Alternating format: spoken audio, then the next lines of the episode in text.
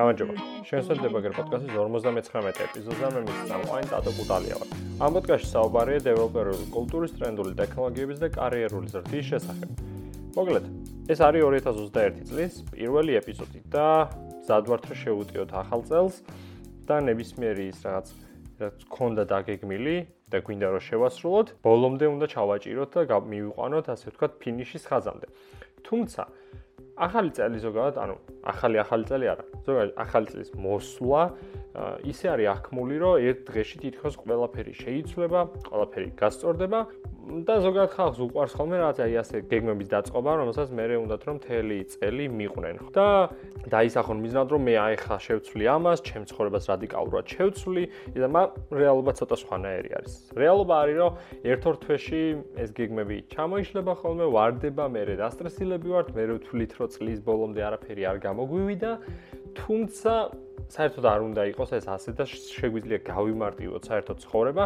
თუ კი ამ ყველაფერს შევხედოთ როგორც ერთ ტალღას, თლიან ტალღას, ანუ არ არის იქ საზღვარი წლიდან წლამდე, რაღაც წვეტა არ არის, არ უბრალოდ უნდა გავუყვეთ ჩვენ დაწყებულ საქმეს და მივიყვანოთ ბოლომდე, ანუ ფინიშამდე გავიყვანოთ ჩვენი დაწყებული საქმე. ამ წელსაც, შემდეგ წელსაც და მას შემდეგ, იმიტომ რომ რაღაც ჯადოსნური გზით სხვა ამ რაღაცას ვერ მოგვიგარებს. ეს რაღაცა წინა სიტყვაობასავით, რომელიც მხოლოდ ამ წლევანდელ პირველ ეპიზოდს გაყვება. მოლე დღეს მინდა ვისაუბრო ძალიან კარგ და საინტერესო თემაზე, რომელსაც ინტერნეტში გადავაწყდი ასე ვიკიპედიაზე. მინდა რომ გაგიზიარო და თქვენამდე მოვიტანო. თუ მოგეწონებათ ეს, გაუზიარეთ თქვენს მეგობრებსაც. მოკლედ, თემა არის სუპერვარსკვლავის ეფექტი. იგივე Tiger Woods-ის ეფექტი. მოდი ჯერ რადგანაც Tiger Woods-ი ვახსენე, ვისაუბროთ სპორტზე. Super-Squash ეფექტს, ანუ Tiger Woods-ის ეფექტს უწოდებენ აი პერფორმანს შენ წარმადობაში ცვლილებას, რომელიც გამოწვეული არის, რომ მაღალი ან გაცილებით მაღალი რეიტინგის მქონე სპორტსმენის, იგივე Super-Wrestler-ის გამოჩენით შეჯიბრებაში. ანუ ეს ფენომენი ანუ ეს ეს ციტირებ ხარ ზოგიერთ ნაწილს ვიკიპედიადან აუცილებლად დავლინკავ ორიგინალ გვერდს. ანუ ეს ფენომენი პირველად აღწერილი იყო რომ quitters never win ანუ ვინც დროზე ადრე ანებებს თავს ის ვერაზოს ვერ მიდის საბოლოო გამარჯვებაზე ხო? ასეთი რაც დაწერა ჯენიფერ ბრაუნმა. რომელმაც გამოიკვლია გოლფის მოთამაშეების წარმადობა ღონისძიებიდან ღონისძიებამდე წლიდან წლამდე. ორ ასპექტში. როდესაც ტაიგერ ვუდსი თამაშობდა იქ და როდესაც არა. ვინც ტაიგერ ვუდსი არის ახლა მეც არ ვარ გოლფის დიდი მოყვარული, უბრალოდ საერთოდ არ ვარ გოლფის მოყვარული. ტაიგერ ვუდსი მაინც გამიგია რომ არის ძალიან ცნობილი, მართლა სუპერვარსკვლავი რომელსაც საერთოდ შეცვალა გოლფი, გოლფის ისტორია დაწერა და ასე შემდეგ. ნუ ყველაფერი არის ანუ ტაიგერ ვუდსმა აქცია ასე თქვა გოლფი, გოლფად. როგორც ვიცი, შეიძლება ვინმე შემომედაოს, თავს არ დავდებ, როგორც ასე ვიცი. ხო და ამას აკვირდებოდა ტაიგერ ვუდსის თამაშები და ტაიგერ ვუდსის თამაშების garaში. და რა ხდება? მისი მოწინააღმდეგეები, ვინც იყვნენ გაცილებით ნაკლებ შრომას დებდნენ თამაშებში, სადაც შესაძლო იყო რომ წაეგოთ. უბრალოდ ასე რომ გავშალოთ. სადაც ძალიან დიდი ალბათობით იცოდნენ რომ წააგებდნენ, აი ასე თამაშებში თავს ზოგავდნენ და ბოლომდე არიხარჯებოდნენ. ხო, ანუ რა აზრი აქვს ბოლომდე დახარჯოს თუ გძნობ რომ აი იმასთან წააგებ. მაგრამ აქ რა რაში არის საქმე?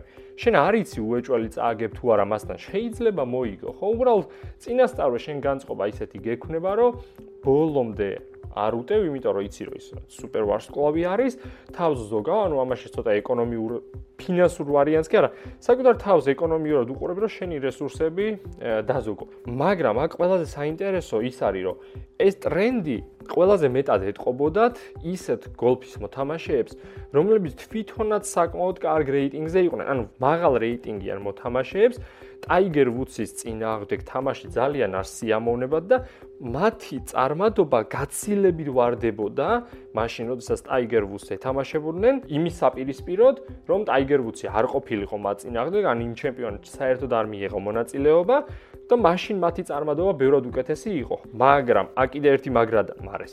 ვინც დაბალ რეიტინგიანი მოთამაშე იყო მათზე დიდად არ აისახებოდა ეს ტრენდი. ანუ რაც უფრო მაღალ რეიტინგიან მოთამაშე იყო, მათ ბევრად მეტი კონდათ დასაკარგი და ბევრად უსიამოვნოდ გზნობდნენ Tiger Woods-თან თამაშის დროს. ეს მოვთელეთ, ესე იგი, ეს თემა რაც არის Tiger Woods-ის ეფექტი, Super Warsclaws ეფექტი, ის რომ თლიანად თავისი აურით, ამ თავის ფანებით, განწყობით, ხო?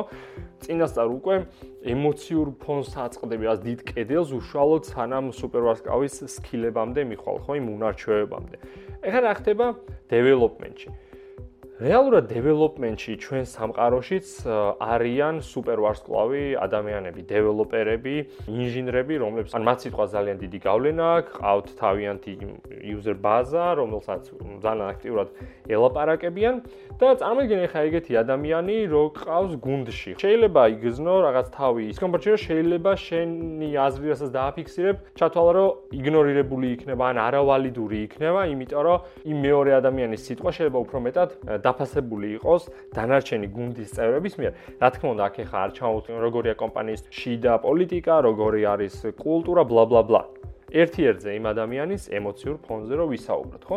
ანუ გუნდში თუ ყავს სუპერსტარი, საჭირო არის, რომ ყველანი იყვნენ მოტივირებული, ხდებოდეს იმის კონტროლი, რომ ვინმე ხო არის ჩაგრება, ანუ უნებლიეთ ვინმე ხო არ განიცდის სტრესს, ან იმას ხო არ განიცდის თავის თავს ზედმეტად კრიტიკულად ხო არ უდგება, მხოლოდ იმიტომ, რომ იმ გუნდში არის, თქვათ, ვიღაცა აღიარებული უფრო დეველოპერი, გუნდური მას უკვე ჭრილში რო შევხედოთ და ნუ ამას ჭირდება კონტროლი. მაგრამ ყველაზე მაგარი მანდრა არის ახლა რომ Tiger Woods-ის ეფექტი ხო იყო. ეხლა მსგავსი დაკვირვება ჩაატარეს Usain Bolt-ზე. ეხლა Usain Bolt-იც გვეცოდინება. ეს არის სპრინტის მორბენალი 100 მეტრზე, 400 მეტრზე და ასე შემდეგ. ხო და სადაც Usain Bolt-ი გამოდიოდა, რომელ შეჯიბრებებზეც პირიქით, მან პოზიტიური სუპერვარსკვლავის ეფექტი იხილეს დამკვირვებლებმა, რადგანაც ყველა დანარჩენი მის ირგვლივ მორბენალი ხო ვინც გვერდზე მიყვებოდნენ, ყოველთვის ცდილობდნენ რომ Usain Bolt-ს აყოლოდნენ და ყოველ გამოსვლაზე ყველა თავის პერსონალურ რეკორდს აუმჯობესებდა, როდესაც მათ გვერდზე დარბოდა Usain Bolt-ი.